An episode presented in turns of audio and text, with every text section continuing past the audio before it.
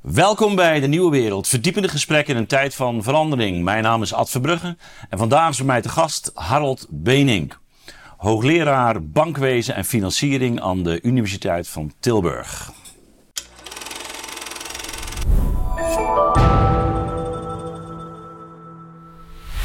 Harold, welkom.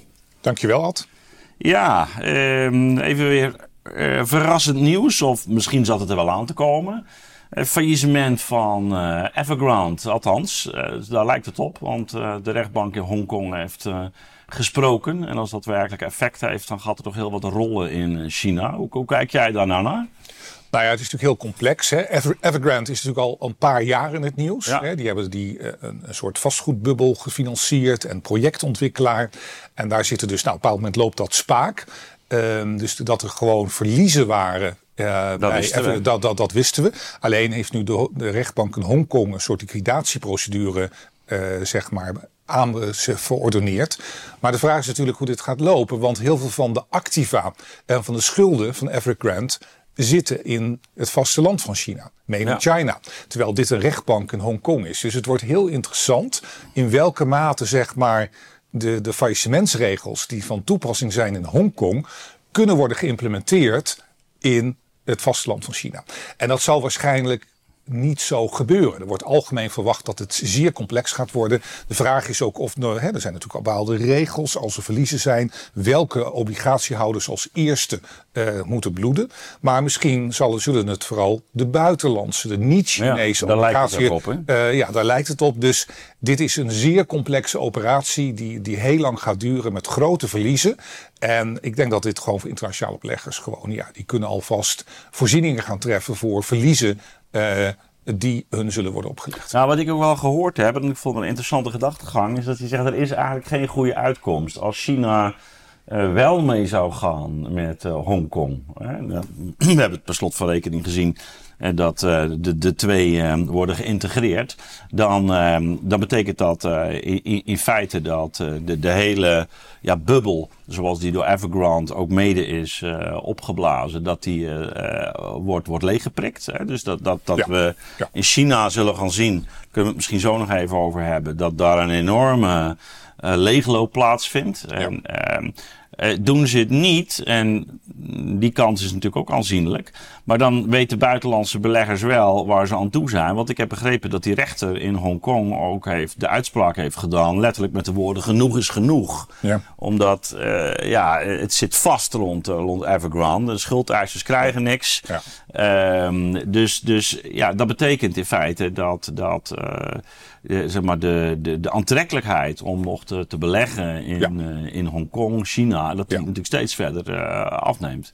Ja, dat is zeker waar. Dat is, hè, want kijk, uiteindelijk is natuurlijk, wordt het politiek gezien het orgel getrapt in Beijing. Ja. En we hebben gezien, hè, in 1997 werd Hongkong teruggegeven aan China. Dat was namelijk een ja. soort uh, huurovereenkomst van 99 jaar. Ik ben ook nog in Hongkong een aantal keren geweest voorafgaande aan uh, 97. Mijn eerste trip was 1989.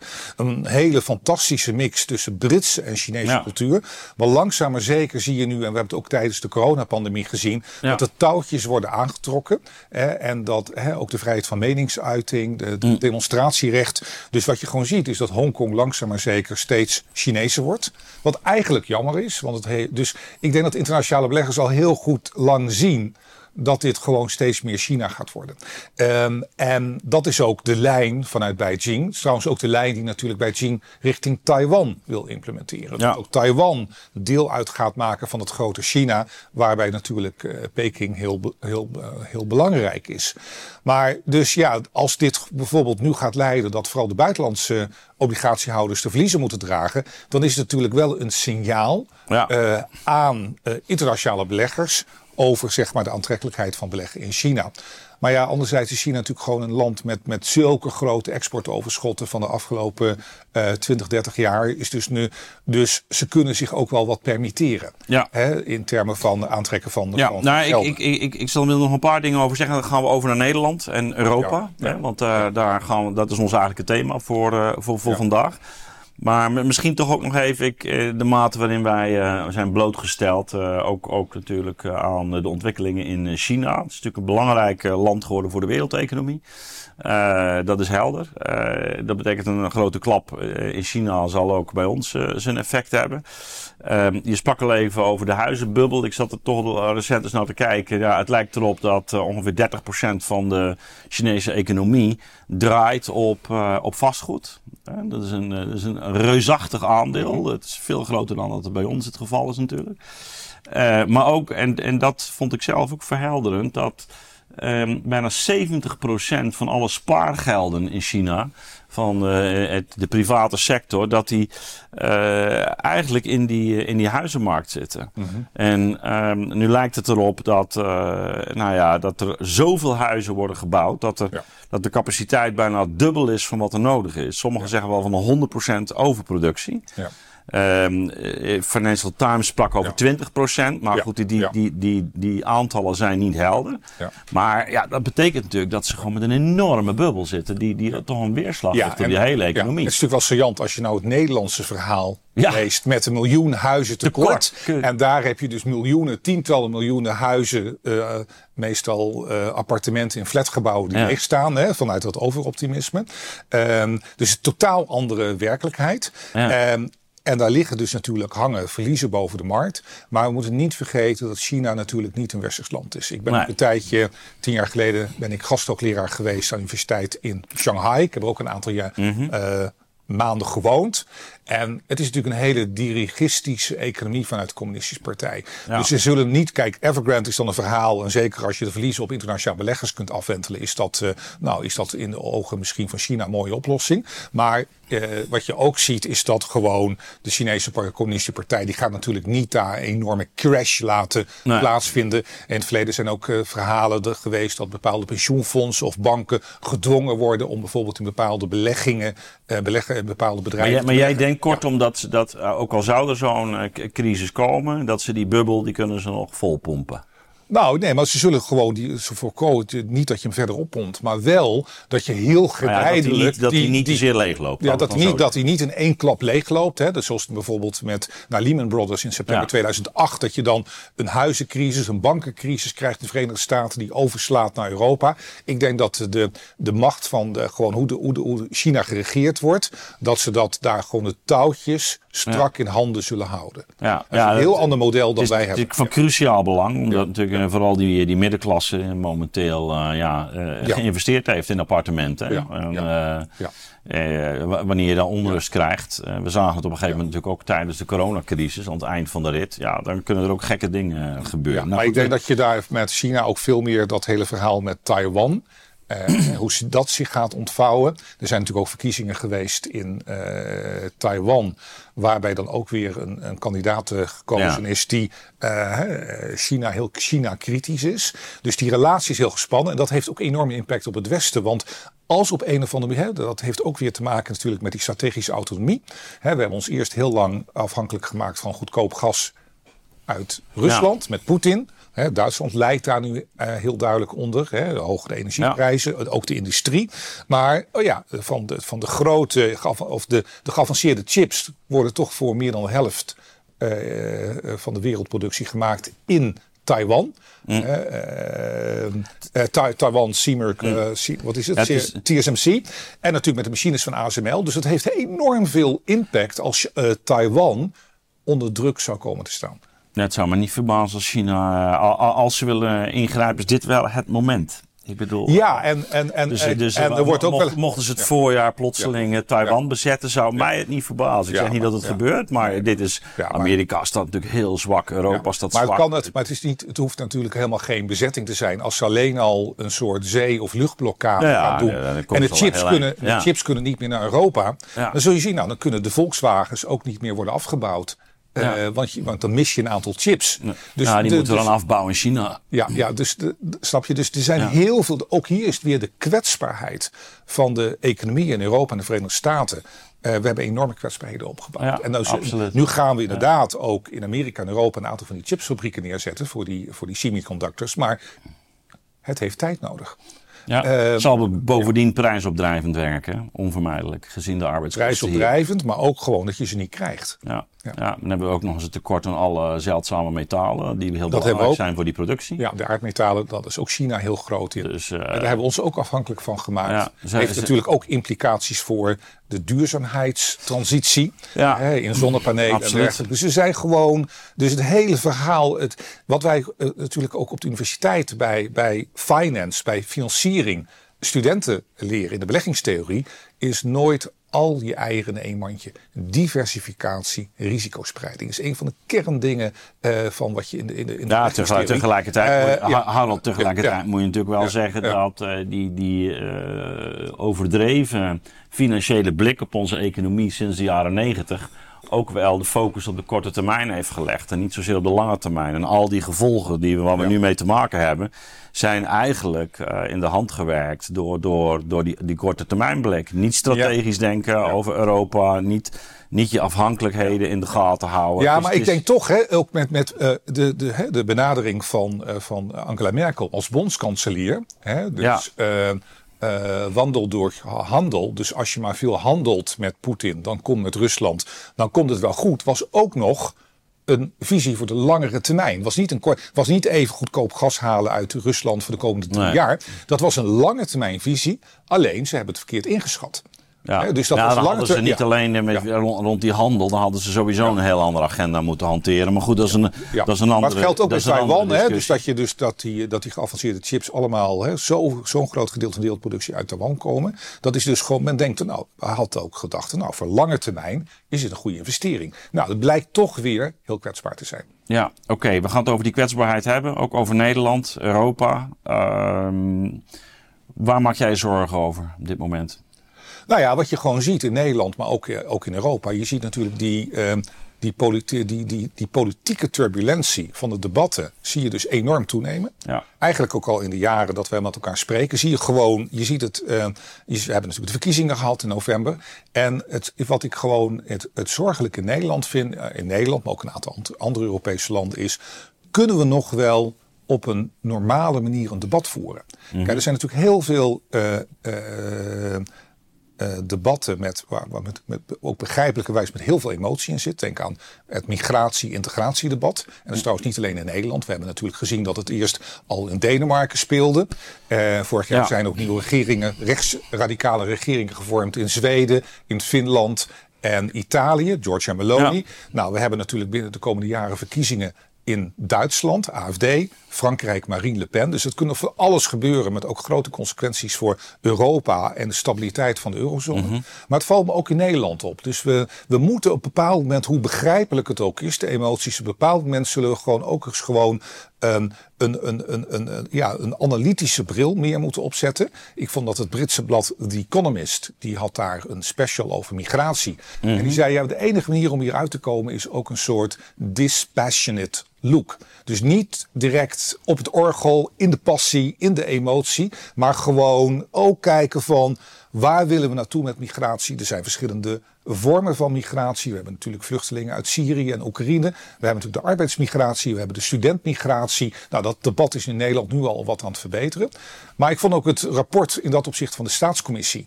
Uh, wat vorige week gepubliceerd is. Nou, Paul Scheffer aan heeft uh, ja, in meegeschreven. Dat gewoon een visie moet ontwikkelen. Waar willen we naartoe in Nederland? Uh, met de omvang van de bevolking. Wat voor soort migratiestromen horen daarbij? Ook in het kader van de vergrijzing. En dan kun je ook bepaalde keuzes maken. Hè? Dus je kan gaan voor Nederland een krimp, een bevolking gelijk houden of groeien. Het heeft allemaal consequenties. Ook voor uh, als een groot deel van de bevolking uh, uh, ouder dan 65 jaar is en daar bepaalde zorgbehoeftes aan. Dus het debat zeg maar gewoon voeren, oké, dit zijn de mogelijkheden. En dat we daar dan politieke keuzes in gaan maken, is denk ik, moeten gaan maken, is denk ik heel belangrijk. Ja, uh, helemaal mee eens. Uh, nu is het natuurlijk zo dat uh, de, de het, het, debat ook zo verhit is geworden. Of de, de, de, de, stemmen misschien ook wel zo luid omdat te, te, lang eigenlijk overheen is gestapt. Dat, dat er te weinig is geluisterd. En als je, Zeker. als je niet goed genoeg luistert, gaan mensen steeds harder schreeuwen. En dat zien we bij de boeren ook een beetje. en dat zien we nu ook in de politieke uitslagen. Het is natuurlijk, ik bedoel, je hebt, je, Paul Scheffer heeft in 2000 en één, meen ik, uh, nee, 2000 is het geweest, precies 2000, heeft hij uh, dat artikel geschreven over het drama van de multiculturele samenleving in NRC Handelsblad. Ja. Uh, daarna hebben we de komst van Fortuin gehad. En ehm, nou, het is, het is enige tijd is het rustig geweest, maar wat migratie betreft hebben we nog nooit zo'n toestroom gehad als in de afgelopen tien jaar. Dus dat er nu zo'n enorme tegenbeweging komt, is natuurlijk ja, heel begrijpelijk. Dus je, ik, ik, begrijp wel dat je oproept naar een soort dispassionate houding. Maar uh, het, het, het, uh, het, uh, het water staat de mensen natuurlijk aan de Tuurlijk, nee, maar het is, het is ook niet bedoeld om het probleem zeg maar, te, bagatelliseren. Te, te, totaal niet. Ik begrijp dat dat gebeurt. Hè. Maar dan, heb, je het dan over, heb je het dan over de, de, de, de, laten we zeggen, de toon aan beide kanten van het, van het debat? Kijk, wat er natuurlijk gebeurd is, en dat, dat zie je ook in deze kabinetsinformatie. Kijk, Wilders heeft natuurlijk de afgelopen twintig jaar vreselijke dingen geroepen. Ja. over de islam en moslims en, en van alles en nog wat. Waarvan nu dan, hij zegt dat gaat allemaal de ijskast in op dit moment. En als reactie daarop is natuurlijk vanuit de andere kant van het uh, politieke spectrum... is natuurlijk een tegenreactie geweest dat ook het bijna onbespreekbaar werd. Absoluut. dus dus, dus die polarisatie in dat debat, hè, en dat is natuurlijk het moeilijke. Hè, dus als je dan al gewoon iets zei van mensen van... je moet misschien nadenken over migratie... dan wordt het uh, snel al in een soort hoek gezet van... nou, dat is bijna racisme of iets dergelijks. Ja. Um, en daar moeten we dat... Het is allemaal heel begrijpelijk wat er nu gebeurt. In, in, in Amerika loopt dit natuurlijk nu echt uh, de spuigaten uit. Hè? Als je kijkt uh, hoe de, de, opstelling van Biden is en hoe, wat je in Texas met die Greg Abbott en zo ziet. En dat het gekoppeld wordt aan steun aan Oekraïne. En Amerika gaat daar nog een, nog een enorme stap verder. Maar we moeten gewoon, hè, daar in de mind, het is allemaal heel begrijpelijk. En het is ook soms wat je ook wel eens met ziektebeelden hebt. Als je te lang wegdrukt, krijg je dubbel en dwars krijg je terug. Um, Waarbij dat, dit is een figuurlijke zin natuurlijk. Het migratiedebat is geen ziekteproces. Maar wat wel zo is, dat je nou toch nou ja, niet, aan, niet aan de orde daar stellen, aan, aan de orde stellen daarvan wel natuurlijk. Ja, natuurlijk. En dus maar hoe begrijpelijk het allemaal is, ook in het belang van Nederland. Maar, maar, wel, op, wel opvallend dat jij hiermee komt als uh, hoogleraar bankwezen nou, en omdat, financiering. Dus, nou, dus omdat ik in mijn... Uh, jawel, maar wij denken, wij denken natuurlijk... Jullie denken wel breder, wij, wij denken, we hopen toch ook wat breder. We kunnen het niet alleen aan de filosofen overlaten. Toch, we moeten toch... na te denken. nee, fijn dat jullie meedenken, Harold. Maar, maar, Ad, maar, de, nee, maar het is echt ook weer in de traditie, wel eens vaker over gehad, van het, mm. de oude professie van de economie. He, ik vind nog steeds de London School of Economics and Political Science. Economie en politieke wetenschappen waren altijd historisch verbonden. En eigenlijk is het door het afgelopen, na de oorlog, door de modelmatige benadering en onzekerheid modelleren. En, computertechnologie. financialisering van de economie. Ja, en, maar ook dan weer dat je denkt al die risico's te kunnen inschatten en prijzen en diversificeren. dat dat verhaal. Maar waarom, het ook, waarom ik me daar zo mee bezig hou, is natuurlijk omdat namelijk het migratiedebat ook enorme spillover-effecten kan hebben naar het proces van Europese integratie en stabiliteit. Speelt, speelt, dit, speelt dit nou in, bij jouw beroepsgroep of ben jij gewoon een afwijking? Nou, het speelt bij een aantal mensen zijn er wel mee bezig. Maar ik ben wel een van hier in dit Nee, maar we hebben natuurlijk heel lang in, in de, laten we zeggen, de, de, de, de neoclassieke benadering uh, speelde dit geen enkele rol. Externaliteiten werden overboord gegooid. Ja, nou ja, ik, ik ben in de eerste helft van de jaren negentig heb ik mijn proefschrift geschreven over financiële fragiliteit, kwetsbaarheid van het financieel systeem. En die ontstaat juist, en ik heb ook veel met, ook met de neoclassieke mensen gesproken in Amerika. de beroemde uh, Nobelprijswinnaar Merton Miller heb ik goed gekend mm -hmm. in Chicago. Maar ook Hyman Minsky heb ik goed gekend, die op de kant zit van die fundamentele onzekerheid. Kijk, en hoe meer onzekerheid. Het Minsky-moment, hè? Het ja, maar, ja. maar onzekerheid, dan betekent dat je dus niet kunt uh, modelleren. En dan kan je dus, kan het makkelijker vertrouwenscrisis in het financiële systeem genereren. Nou ja, dus je zegt uh, eigenlijk van huis uit ben je altijd al. Uh, ja, dus voor mij is het omdat het een onderdeel onzekerheid. is. Maar die politieke dimensie is bij mij wel sterker geworden. Want kijk, als het nu zo is dat dadelijk in Duitsland bijvoorbeeld verkiezingen komen, landelijk ook. We zien nu enorm de AFD, de alternatieve Duitsland opkomen. Maar nou, dat kan dus al enorme politieke instabiliteit in Duitsland geven. En ook bijvoorbeeld over uh, Europese ambities van klimaat en duurzaamheid. Hè, dat dat steeds moeilijker wordt. Maar de grote zorg is nog, wat mij betreft, nog meer Frankrijk. Frankrijk gaat dus over drie jaar naar een nieuwe president kiezen. Mhm. Macron kan niet meer blijven, want die heeft twee keer de termijn van vijf jaar. Mhm. Dus dan zal er iemand anders moeten komen, dus uit het establishment. Of toch Marine Le Pen, die, die al langzaam maar zeker de afgelopen periode aan het opkomen was. Uh, in de tweede ronde had ze 42% van de stemmen Absoluut. in twee, uh, 2022. En Frankrijk is zorgwekkend, omdat Frankrijk is wel heel, is gewoon natuurlijk revolutionair, de Franse revolutie. En je ziet dat de Franse, kijk, Italianen, die worden dan, moeten dan bepaalde economische vormingen doorvoeren als ze dan geld uit Brussel krijgen. Maar die doen het dan wel. Maar, maar, maar Fransen kunnen echt maf worden. Ja, ja die, kunnen, die gaan echt de straat op. Hè, en die zeggen, je hebt ook gezien dat die pensioenwet om de pensioenleeftijd te verhogen. Die kon niet op een normale manier door de Assemblée Nationale, het parlement, worden uh, zeg maar geaccordeerd. En de zorg, en in Frankrijk zie je natuurlijk met in de banlieue, de migratie, de integratieproblemen. En als dus. Dus Marine als de, de nieuwe Marianne als Marine eh, Le Pen of een van haar nichtje of wie dan ook daar of iemand anders aan die rechterkant premier of president van Frankrijk zou kunnen worden, dan zou je dus gewoon grote problemen kunnen krijgen in het eurosysteem. Dan zou er dus een vertrouwenscrisis nou, maar met, de, met de AFD toch ook? Ja. Met de AFD toch niet meer? Ja, ja, maar Duitsland is dan misschien nog een iets geordender land. Jawel, ja, maar, zeker, maar, maar, wel, maar die kunnen het ook heel gründlich kunnen ze eruit stappen. En ze hebben ook iets fanatieks, hè, de Duitsers. Ja, maar ik ben, hè, Duitsland heeft ook een lagere staatsschuldquote staatsschuld als percentage nationaal inkomen. Frankrijk zit natuurlijk ook ver boven de 100% Frankrijk vind ik nog riskanter dan Duitsland en hmm. ook uh, riskanter dan Italië. En wat we vergeten, uh, dit is dus drie jaar van. 2027. Het is veel dicht, dus we moeten het, waarom ik dit ook zeg. Nou ja, je moet ook de politiek. Hoe, hoe, hoe kijk je dan naar de Europese verkiezingen? Want sommigen zeggen, eh, nou ja, goed, natuurlijk hebben die de facto niet, niet hele grote gevolgen. En sowieso is dat parlement eigenlijk een, meer een papieren tijger. Nou, maar symbolisch ook uh, is het denk ik wel van hele grote Ze zijn natuurlijk op, uh, als ze zijn op heel veel terreinen, zijn ze dus in de, is er dus co-decision. dus op met wetgeving die wordt aangenomen, de Europese Raad van Regeringsleiders, bijvoorbeeld de minister van Financiën, dan moet het parlement ook akkoord gaan hè, op basis van het verdrag van Lissabon. Um, ze gaan dus daar, daar kunnen ze dwars gaan liggen bij allerlei initiatieven. Ze kunnen natuurlijk ook in het kader van de benoeming van eurocommissarissen dat, dat er aankomt. Dus het parlement wordt wel steeds belangrijker, denk ik. En dat is ook goed. Ja, uh, maar en, tegelijkertijd zet hij er waarschijnlijk ook de boel steeds meer onder druk. Want als je nu, nu gaat kijken natuurlijk wat, wat uh, aantal van die populistische partijen gaan, uh, gaan doen, dan zou je en neem nu de boerenprotesten op dit moment, die een soort Europees karakter hebben aangenomen. Heel uitdrukkelijk tegen Brussel zijn gericht. de, de, de, de, de, gebouwen werden al bekogeld met eieren en, en, en vuurwerk en van alles en nog wat. Dus, dus dat sentiment dat groeit. En uh, ik, ik weet niet of je mijn uh, uitzending hebt gezien, toevallig met uh, Wouter de Heij hier. En die, die, die, we hadden het over de situatie van de boeren in Europa. En dat was eigenlijk nog voordat de, de, de grootste escalaties plaatsvonden, een paar weken terug. Maar hij, hij introduceerde voor mij eigenlijk een, een, een, nieuwe economische term. Ik, ik kende hem niet.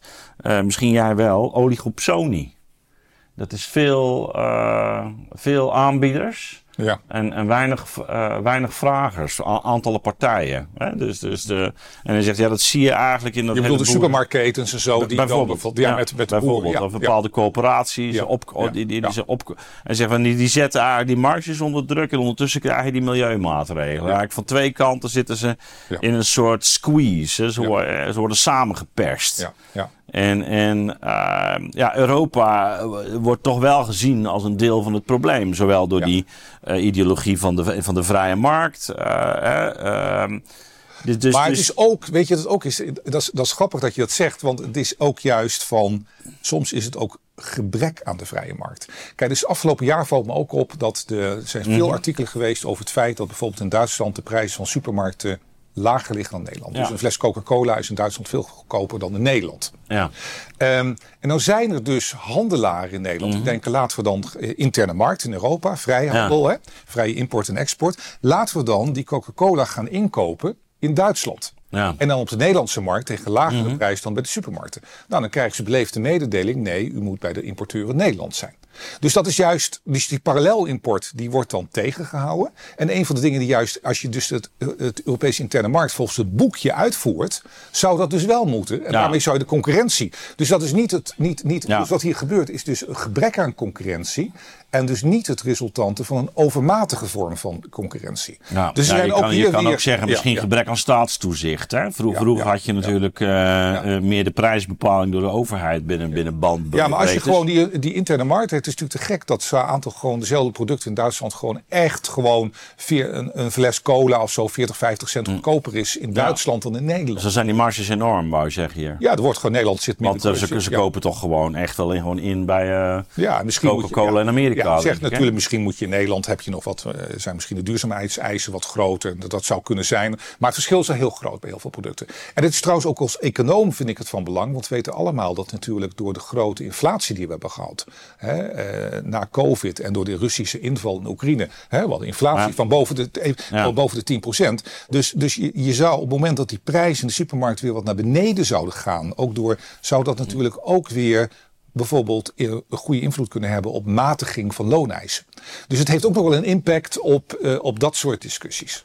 Maar jij maakt je dus geen zorgen over de toekomst van uh, de vrije markt en, en, en wat dat gaat betekenen? Nee, maar uh, de vrije markt, dat is ook weer in dat, in dat verhaal natuurlijk ook over, als het dan neoliberaal wordt genoemd. Kijk, het is eigenlijk ook de klassieke economen. Kijk, een marktmechanisme kan natuurlijk alleen goed functioneren als je een voldoende sterke institutionele juridische structuur mm. hebt. Van de spelregels handhaven. Uh, nou, ik noem dat voorbeeld van dat die parallelimport uit Duitsland niet mogelijk is. Nou, dat wordt nu ook in mhm. Brussel besproken. Dat kan dus niet. Dus je moet dus, dus je kan, die, het is ook niet zoiets van een soort atomistische werkelijkheid. Dat je zegt de vrije markt en die, die gaat, die, die is helemaal op zichzelf. Nee, die moet je goed inbedden. En, die toe, en juist inderdaad, in, zeg, als je de afgelopen 30 jaar of zo kijkt, of de 40 jaar in het, in het zogenaamde neoliberale model, is dat toezicht natuurlijk verzwakt. Absoluut. En dan krijg, je, en dan krijg je een onevenwichtigheid in, in dat marktmechanisme. Dus je denkt dat de overheid op die manier, uh, of de overheden of de instituties of Brussel, ja. uh, op die manier terug moeten, moeten Ja, je hebt dus gewoon, je moet dat gewoon afdwingen. Kijk, een aantal jaar geleden had uh, maar, maar wat die boeren betreft dan. hè? Dus, dus uh, ik, ik, ik, het begint er toch alle schijn van te krijgen dat, dat hun het, ook het water aan de lippen staat. En, en dat heeft wel iets te maken met die, laten we zeggen, die onderlinge concurrentie, die wereldmarkt, die partijen, die grote partijen. Ik bedoel, dat agro-industrieel complex wordt het genoemd. Hè? Um, en het interessante is dat, dat uh, uh, nog steeds gaat ongeveer een derde van de begroting van de Europese Unie naar landbouw. Ja. Ongelooflijk. Hè? Dus dat, dat, de Common Agricultural Policy was vroeger nog veel meer. Hè? Dus die, die, lobby is altijd heel sterk geweest. Maar dan moet je er ook gaan nadenken over nieuwe vormen van hè, versterking van investering in biologische landbouw tegen goede prijs. Nou, we, uh, betalen niet gewoon te weinig voor onze spullen. Nee, precies, ja, we betalen te weinig. Dus als je kijkt, het rendement wordt per, per eenheid steeds kleiner geworden. we betalen te weinig en je zou meer naar biologisch landbouw willen met minder giftige stoffen die worden gebruikt. En, maar, dan moet daar, ja, maar daar kun je over, daar kun je in de oplossingsrichting, ook vanuit Brussel, kun je daar natuurlijk over nadenken. Ja, nou, daar wordt natuurlijk, ook nog, natuurlijk ook, over geklaagd dat dan vervolgens natuurlijk uh, landen buiten die, die regelruimte, dat die vervolgens weer toegang krijgen tot die markt en eigenlijk niet aan al die voorwaarden vastzitten. Ja, ja, Is dat, is, is, is dat, daarom zeg ik van, zal je niet toch op de een of andere manier uh, naar een soort uh, verscherpt toezicht met een rijkere set criteria toe moeten. Waarin ja, die markt toch wat verder wordt beteugeld. Ja, maar het is, weet je, het ook is altijd, het is heel vaak niet nieuwe regels. Het zit hem echt in de handhaving. Bijvoorbeeld, hè. Uh, Oké, we handhaven uh, eigenlijk niet. Nee, de enforcement. Hè, dat is de, Het gaat altijd bij om de, de regulation, de regels en de handhaving. Uh, Emil Roemer, de oud-fractievoorzitter van SP, heeft toen een paar jaar geleden dat rapport geschreven over arbeidsmigratie en uitbuiting. Hè? Immigranten, uit, uh, immigranten vanuit Polen via uitzendconstructies. Ja, dat was dan ook de vrachtwagenchauffeur. Ja, toch? En, ja, dat en, soort. en die allemaal een slechte huisvesting, paspoort inleveren. Als ze de baan verliezen, staan ze direct op straat. Nou, iedereen is het erover eens, ook in de politiek, dat dat niet kan. Nou, nu zijn we er nog steeds over aan het praten. Terwijl je natuurlijk, als je het gewoon um, uh, over. En in het rapport van de staatscommissie werd er ook uh, over gesproken. Kijk, als je wil, kun je dat natuurlijk aanpakken. Als je gewoon zegt, je gaat gewoon meer inspecteurs aanstellen. Je zegt tegen de ondernemers. Als we je hierbij ja. betrappen. Ja. Dan, en dan gaan we ook niet soft doen met een boete van 95 euro. Dan is gewoon direct 100.000 euro boete. Het is zo afgelopen. Als je wil, als je wil, Dus, maar dat betekent dat je die handhaving veel sterker maakt. dus in Nederland valt me zo op, bij heel veel vergrijpen zeggen ze ja, u krijgt maar, u, je doet het toch behoorlijk vergrijp. Zeggen ze ja, u krijgt maar 95 euro boete. Want als het boven de 100 komt, dan krijg je een strafblad. Dat is Nederlands. Dat is Nederland. Maar in heel veel andere landen, Amerika bijvoorbeeld, uh, maar ook denk ik in Zwitserland uh, en de Scandinavische landen, is die handhaving veel strakker. Uh, dus je komt er minder makkelijk mee weg dus minder, er zijn hogere boetes en dergelijke. Dus wij hebben dat nog. Het zit ook een beetje in, het Nederlandse model. Kijk, het valt me ook op. ik woon dan in Amsterdam, maar ik ben je in het buitenland geweest. En hier word je gewoon op het zebrapad als voetganger van, mm. van, van de fiets, van, door fietsers bijna omver gereden. Ze weigeren te stoppen. Nou, dan wij denken dat het normaal is. Maar ga naar een aantal landen buiten Nederland. En je ziet gewoon dat het niet normaal is. Ja. En wij zijn toch behoorlijk afgegleden. Ja, we zijn een beetje uh, anarchistisch natuurlijk. Ja, anarchistisch. Maar, het is ja, heeft een hele lange traditie hoor in Nederland. Ook. Ja, ja, maar, het lijkt, wel, het lijkt mij ook wel dat het wat erger geworden Absoluut. is. En, en, en daar mag toch ook wel eens een beetje een tandje bij om dat terug te duwen. Ja, even, even terug naar, uh, naar het onderwerp. Dus ja. uh, um, we hebben wat uitstapjes gemaakt. Het gaat natuurlijk ook over uh, nou ja, de architectuur van, van, van Europa. Ja. Jij zegt, ik maak me zorgen, want ik zie dat ja, bijvoorbeeld ook in dat migratiedebat, die toon is nu zo hoog. Maar dat, ook het vestigingsklimaat. Meer... Je ziet nu ook bijvoorbeeld recent ook Peter Wenning, hè, de CEO van, een van de CEO's van ASML. Die, hè, want zij willen groeien. Ze willen dus meer onderzoeksstaf aantrekken naar Nederland. Nou, het is weer arbeidsmigratie, zeer hoogwaardige eh, arbeidsmigratie. Maar die gaat dadelijk straks, als er een nieuw kabinet komt, gaat hij natuurlijk wel zeggen: Nou, dames en heren, zegt u het maar. Mogen wij groeien? Mogen wij uh, nog meer arbeidsmigranten aantrekken in Eindhoven omgeving. Heel belangrijk gebied, Brainport. Uh, zegt u het maar, antwoord ja of nee. Ja. Dus, dus op een bepaald moment zal ook die toon, moet het gewoon zakelijk worden. En zeg oké, we maken, maken we de keuze dat het wel mag voor tech, high-tech bedrijven. ik heb het niet over de, over de distributiecenters en de, en de slachterijen. Maar is, is dat niet, maar, is dat maar niet het is een wel, deel van het probleem?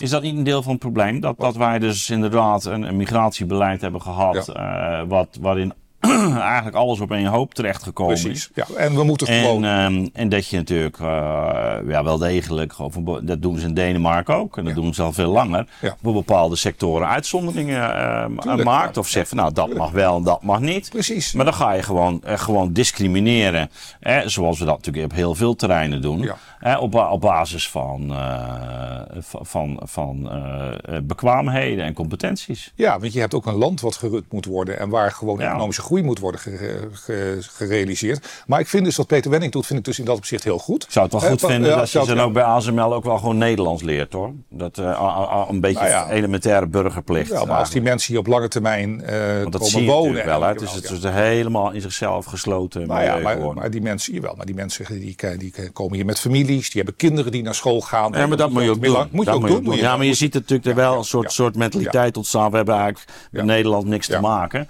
Dat is wat mij dan weer stoort dan zo'n ASML. Dat je denkt van, uh, ja, ja, je, je, ik, kijk even waar je vandaan komt. En, en, en neem ook je verantwoordelijkheid in plaats van zeggen, nou dan zijn we weg hoor. Nee, maar ik denk dat zij heel erg willen meedenken aan uh, het bouwen van huizen, hun rol in de regio. Maar daar moet je over praten. Hè? Dus de, Maar het gaat erom dat je hier toch een wat zakelijker gesprek over moet Zeker. hebben. Dus het gaat toch echt over het vestigingsklimaat van Nederland. Ander verhaal hierbij is natuurlijk ook de hele discussie over Schiphol en KLM. Uh, dat is ook weer een hele, wat, wat daar gebeurt en hoe hoog dat opgelopen is dat zelfs de Amerikaanse maatschappij nu uh, dan dreigt, hè, als wij vanuit New York niet naar Amsterdam mogen vliegen, JetBlue, dan mag de, nou, dat, dat dan uh, de, de, landingsrechten van de KLM op JFK in New York zouden worden uh, ingetrokken. Oh, hoe hoog die discussie kan oplopen, mm -hmm. is ongekend. En kijk, en de vraag is, kijk, wat wil je bereiken? Kijk, maar is, is dat ja, ook met dit voorbeeld? Ja, ik bedoel, zelfs het kabinet heeft gezegd... er, moet, er moet eigenlijk een, eh, een, een vermindering van het aantal vluchten. Ja. Ja. Uh, KLM zelf, uh, Schiphol is ervoor. Ja. Schiphol uh, zegt van moet eigenlijk krimpen. Ja, ja. Maar, maar in welke mate? In welke mate? En moet je dan ook goed rekening houden dat er, dat er nieuwe vliegtuigen zijn met die veel geluidsarmer zijn. Hè? Maar deze discussie, hè, ook dat we dan weer hmm. naar Brussel gaan. En Brussel zegt, je hebt er nog de procedures niet aangeleefd. Dus het aan alle kanten mm. zit er turbulentie in het proces. En ongeacht de uitkomst is dit denk ik gewoon niet het goede proces. Uh, er zit ook wel iets in, vind ik, de postzegel. Kijk, geluidsproductie, dat mensen die in de buurt wonen last hebben van Schiphol, daar moet je heel serieus over nadenken. Maar de andere claim dat als Schiphol krimpt, dat dan de duurzaamheid, dat het een bijdrage is aan duurzaamheid. Nou, Delta Airlines, die heeft iets van 15 vluchten per dag vanuit de Verenigde Staten. Die gaan dan uitwijken naar Charles de Gaulle naar Parijs. Uh, Kopenhagen maakt zich al klaar om een deel van het netwerk over te nemen. Dus het kan, het kan zomaar worden overgenomen en dan is Nederland het gewoon kwijt. Dus wij, dus wij moeten ook soms denken van, van hoe belangrijk het ook is, de, de postzegel van Nederland. En uh, ja, we kunnen dus. Ja, maar dat is toch ook, het is toch ook logisch, ja, Harold, dat je op een gegeven moment bij een postzegel vraagt van uh, kunnen we wel uh, de top eh, hub zijn van, van Europa als nou, we ook zo klein zijn? Ja, ja. Uh, of kunnen we wel zo'n superproductie hebben bij landbouw als we zo'n uh, klein land zijn?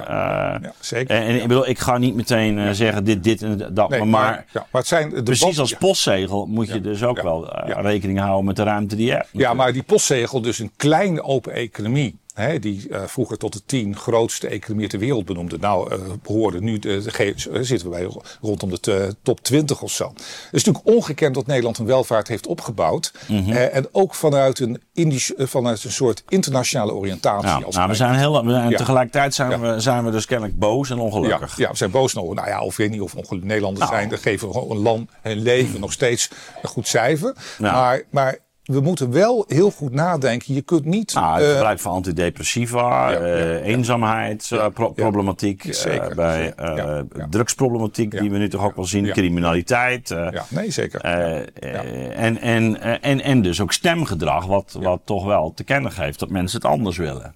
Ja, en waarbij het migratieverhaal natuurlijk een grote rol speelt. Niet alleen in Nederland, maar ook in andere landen. Dus het is ook cruciaal dat dat migratiedebat in Europa, hè, we zien nu ook dat... Maar waar zou jij voor zijn? Uh, uh, toch toch à la, à la Scheffer uh, in de staatscommissie? Dat je zegt van... Ehm, een heel gedoseerd en, en, en ook keuzes maken wie wel en niet binnen mogen komen? Ja, ik, kijk, ik denk dat wat je nou heel duidelijk ziet in het debat van, van bijna spreekwoordelijk moet Nederland nog het 37ste distributiecentrum hebben. Nou, je ziet die discussie. En maar dit, is, uh, dit hangt ja, dus aan die postzegel ja, ook, ja, ja, zeker. Hangt aan die postzegel. Zeker. En dus, dus, dus wij zeggen, moeten, nou, moeten we eigenlijk maar wij moeten, Ik denk dat we veel meer naar een Zwitsers model moeten. Van hoge, uh, hoge toegevoegde waarde en hoge lonen. Daar moeten we naartoe. We kunnen niet alles.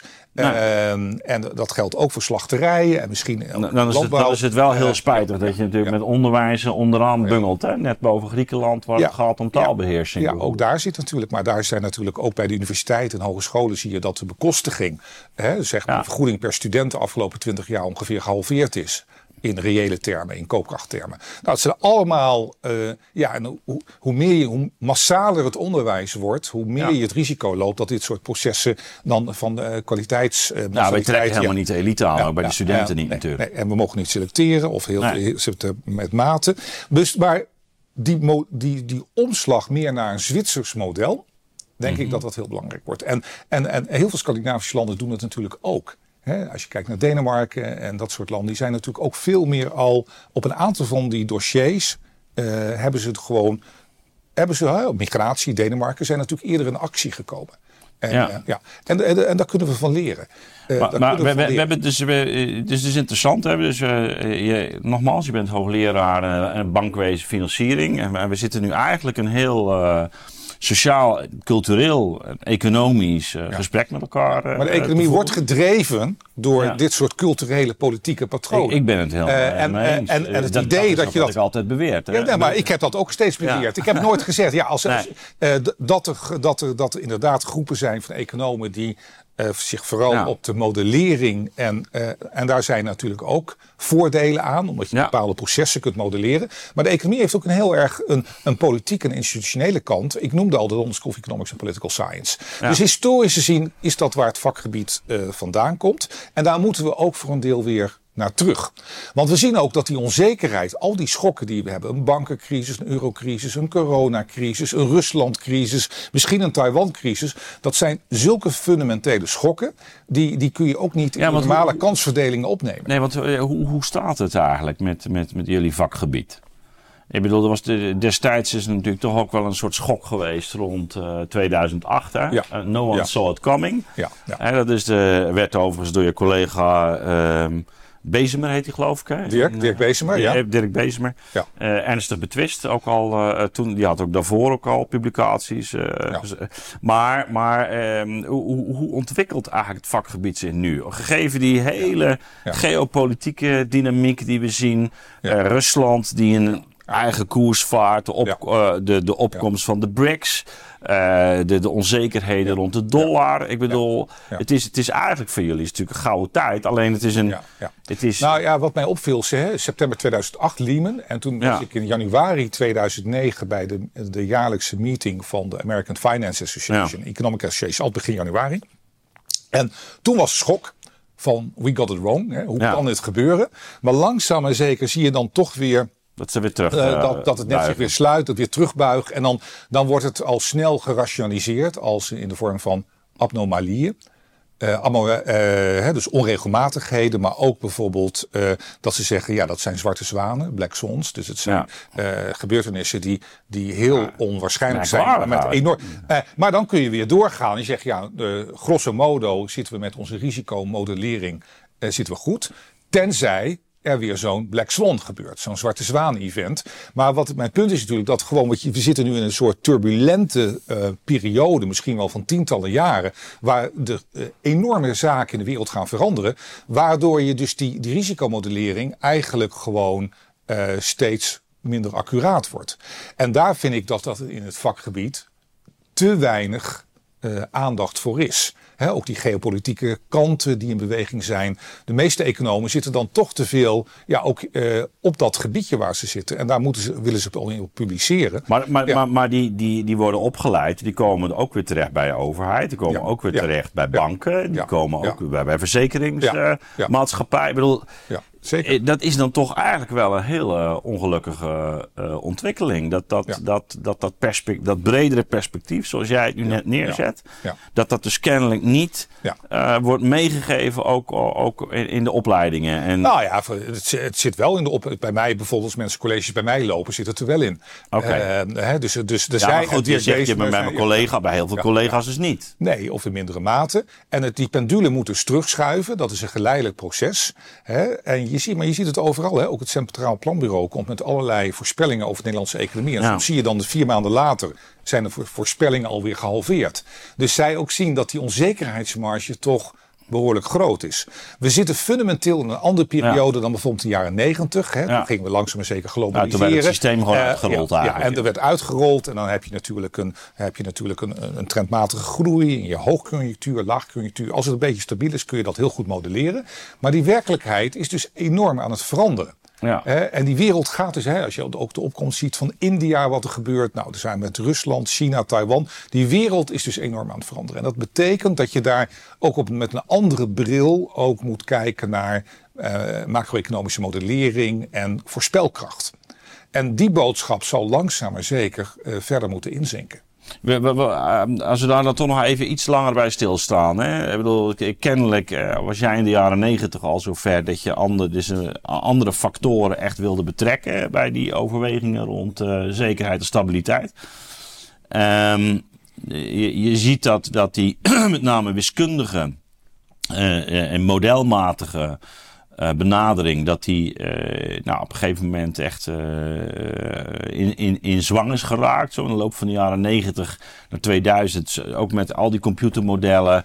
Ook laten we zeggen met de hè, die dan bij die banken gingen werken. Ja. Nou, dat klapt in elkaar. Jij zegt, we zien, je ziet het toch weer nu eh, de afgelopen eh, jaren toch weer terugveren in, fe- in feite. Nou, nog Dus niet, wel- nog, ja, maar niet, niet voldoende. Kijk, het grote probleem is natuurlijk, waarom is er natuurlijk, kijk, op het moment dat je wiskundige technieken en computers, hele snelle computers gebruikt om risico's te modelleren, nou, dat is dan, daar kun je ook heel, Ja. kun je mooi over publiceren. Ja, Als je zegt, of- of ja, afdekken, hè, of af- heel- ja, ja. ja, maar als je zegt, het zijn, het is vooral ook fundamentele onzekerheid, wat je per definitie niet kan modelleren, ja, dan kun je daar ook niet. eh, ja, het is heel moeilijk daar iets over te publiceren dan. Dat is een heel ander soort publicatie. Ja. En omdat natuurlijk de leidende wetenschappelijke tijdschriften... Precies, eh, nou, daar daar Economics waar Finance. Dus ook het die is, kant, het is ja. eigenlijk, het Ja, is, ja. het is, dus voor een deel is dit, Ja. produceert dit systeem omdat er nou eenmaal ja. gemodelleerd en geproduceerd moet worden. Dus versterkt eigenlijk die ontwikkeling. Anders, anders kun je, moet je misschien gewoon op een andere manier gaan, gaan werken. Komen, en veel meer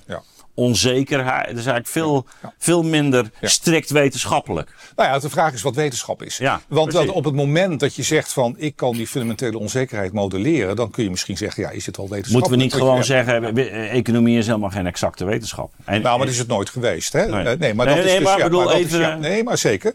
En je, je ziet natuurlijk ook een aantal wetenschappelijke tijdschriften opkomen die dan meer, zeg maar, niet in de mainstream zitten. Maar dan gaat het natuurlijk ook weer om de incentive structuren, de prikkelstructuur op universiteiten. Van wat wordt dan beloond om eens in termen van ook uh, promotie te kunnen maken en dergelijke.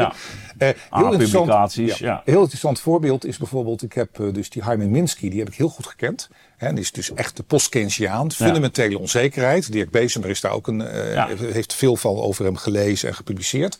Maar Minsky was heel grappig. Die was dus Um, hij was 25 jaar lang was hij hoogleraar bij Washington University in, uh, in uh, St. Louis. Toen is hij met emeritaat gegaan en toen is hij bij een leidend onderzoekscentrum bij Bard College ten noorden mhm. van New York.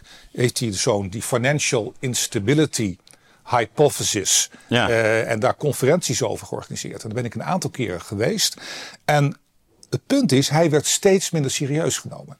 Hij werd gewoon, om, waarom? Omdat natuurlijk, ook op business schools, omdat wat hij schreef kwalitatief was en niet kwantitatief. Niet gemodelleerd, niet in formules. En uiteindelijk werd hij overal een beetje uit het curriculum gehaald. En dat werd ook wel eens een grote frustratie van hem. En pas na hij is in 1996 overleden, dus 12 jaar voor Lehman. En toen de Lehman-crisis uitbrak en hoe die vertrouwenscrisis zich kon vouwen, ging iedereen weer terug naar Minsky. En bijvoorbeeld Martin ja. Wolf, de, leidende, de leidende commentator van de Financial Times, die heeft hem ook eigenlijk helemaal gerehabiliteerd. Dat, dat, dat, hoe die man werd eigenlijk niet serieus weer werd genomen. Maar wat hij eigenlijk zei was, kon je zo op de Lehman crisis uh, toepassen. En dat was toch wel heel pijnlijk ook geweest voor Hyman Minsky. Dat je dus eigenlijk vanuit zijn eigen onderzoeksintuïtie had hij het voor een heel groot gedeelte bij het uh, het rechte eind, hè, wat hij beschrijft. Processen op financiële markten, bubbels, overkreditering, huizenprijzen, vastgoedbubbels. Ja, zo'n vier, uh, ik, heb er nog over gedoseerd. en notabene ja, vier stadia die die dan onderscheidt. ja.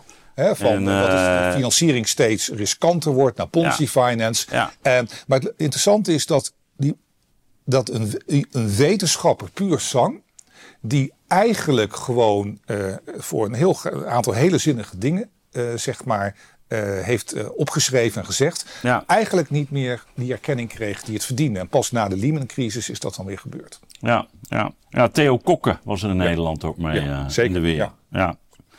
Ja, nee, maar dat is, het, is, het is inderdaad wel belangrijk om dat, om dat mee te nemen. Hij, hij beschreef natuurlijk, de, laten we zeggen, de, de dynamiek binnen het financiële systeem zelf. Hè? en, en hoe dat soort cyclisch verloopt. En iedere keer ook uh, inderdaad uiteindelijk naar een soort piramideachtige structuren toe, uh, toe beweegt. Uh, daar zijn we het gesprek misschien wel mee gestart hè, in China. Eigenlijk zeker. ook zo'n soort piramide moment. Ehm, jij brengt natuurlijk, en dat is eigenlijk puur de dynamiek binnen het financiële systeem zelf, hè, die, die hij beschrijft. Die, die, eh, Jij brengt daar natuurlijk nog een belangrijk ander eh, aspect in, en dat is uh, geopolitiek. Ja, ja.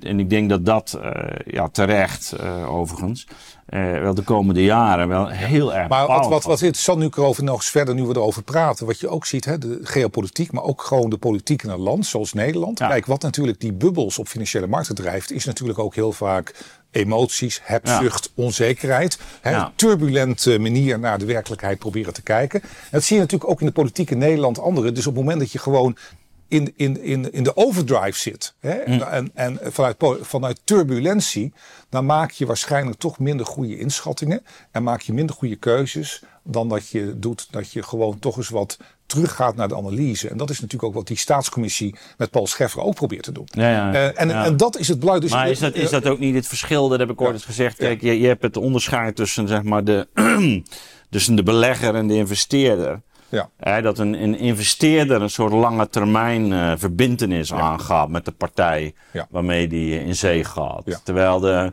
de belegger eigenlijk op rendement uit is. Of de, en de speculant misschien al helemaal. Op, ja, maar je hebt natuurlijk ook lange termijn beleggers zoals pensioenfondsen die heel lang in het bedrijf willen zitten en ook naar de aandeelhoudersvergadering gaat. Dus dat, uh, gaan, ja, die hebben dan meer dan een investeringskarakter ja, bijna. Maar ook in investeringen kun je natuurlijk op het moment dat je denkt dat, dat de markten enorm gaan, dat er enorm veel nieuwe vraag zal zijn, kun je natuurlijk ook gewoon te veel investeren in een, eh, om, om, eh, vanuit korte termijn eh, gewin. Dus ook daar heb je natuurlijk cycli.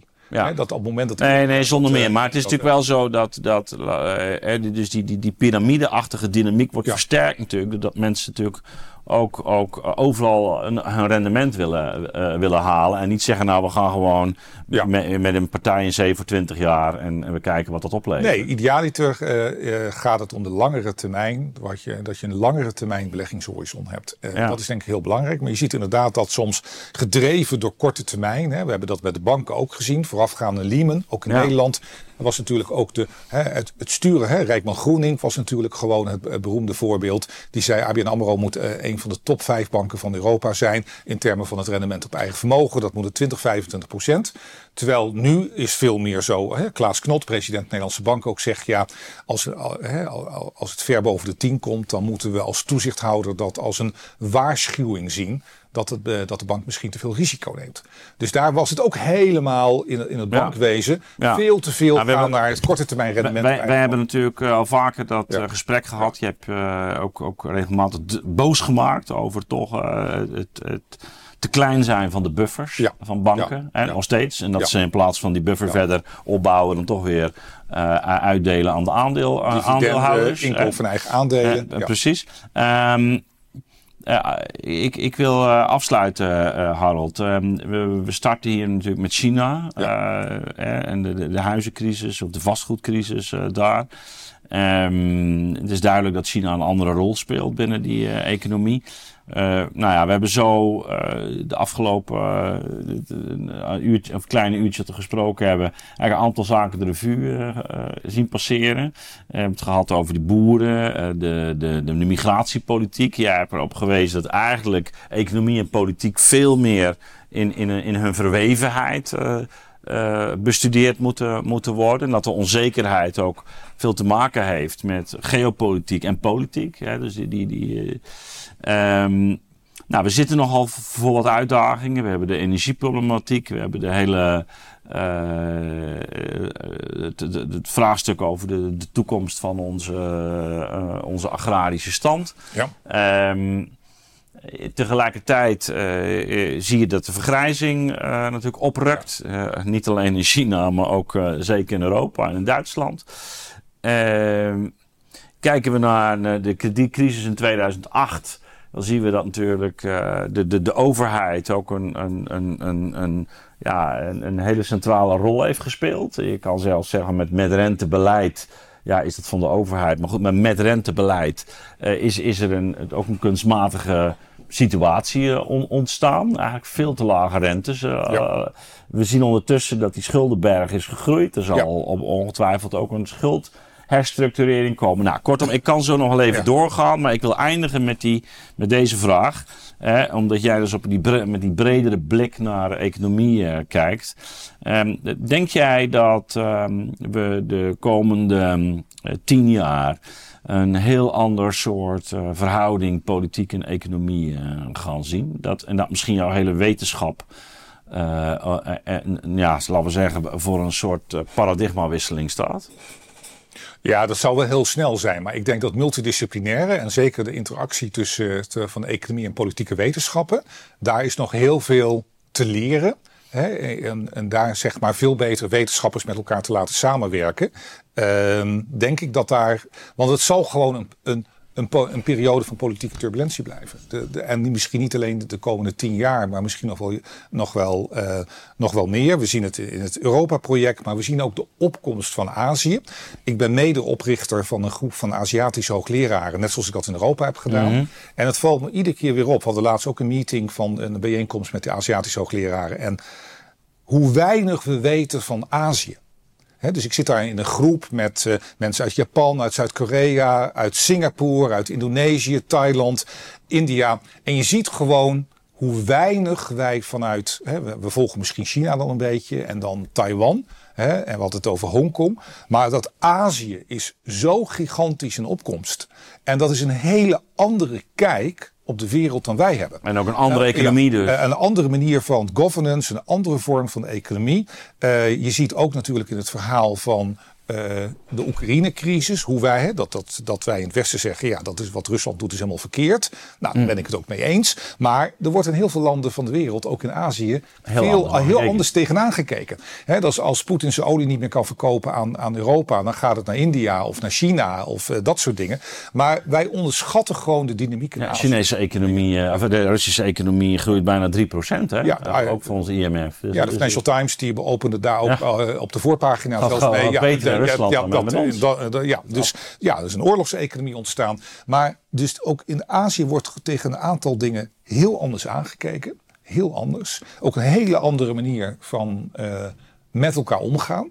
He, gemiddeld genomen valt me ook op als ik vergelijk zo'n Aziatische groep bijvoorbeeld met een Europese of Amerikaanse groep, is daar toch ook wel uh, niet de tegenstellingen niet vergroten, maar juist toch een beetje uh, de gezamenlijkheid. is heel Aziatisch, hè? Dus, dus dat je niet. Beetje zoals bij, uh, bij wij ja, bij ja, de zeker. nieuwe wereld. Toch proberen eruit te komen in de nieuwe wereld, hè? Dat, om eruit te komen. Uh, terwijl wij natuurlijk in de, in, in de westerse cultuur veel meer ook veel ja. bezig zijn met elkaar. Ja, de academie ook. Ja, en, heel, en, en dat is een hele andere wereld. En we weten over dat Azië, dat is gigantisch. India is enorm in opkomst, wordt de derde economie ter wereld. We zijn er eigenlijk niet mee bezig. Ja, en dat is zorgwekkend. En, en, uh, en dat moet gaan gebeuren, zeg je? Dat moet gaan gebeuren. Oké. Okay. Hey, Harold, uh, hartelijk dank weer. We gaan kijken wat ja. uh, de toekomst ons brengt. Zeker, dankjewel. Okay. Ja.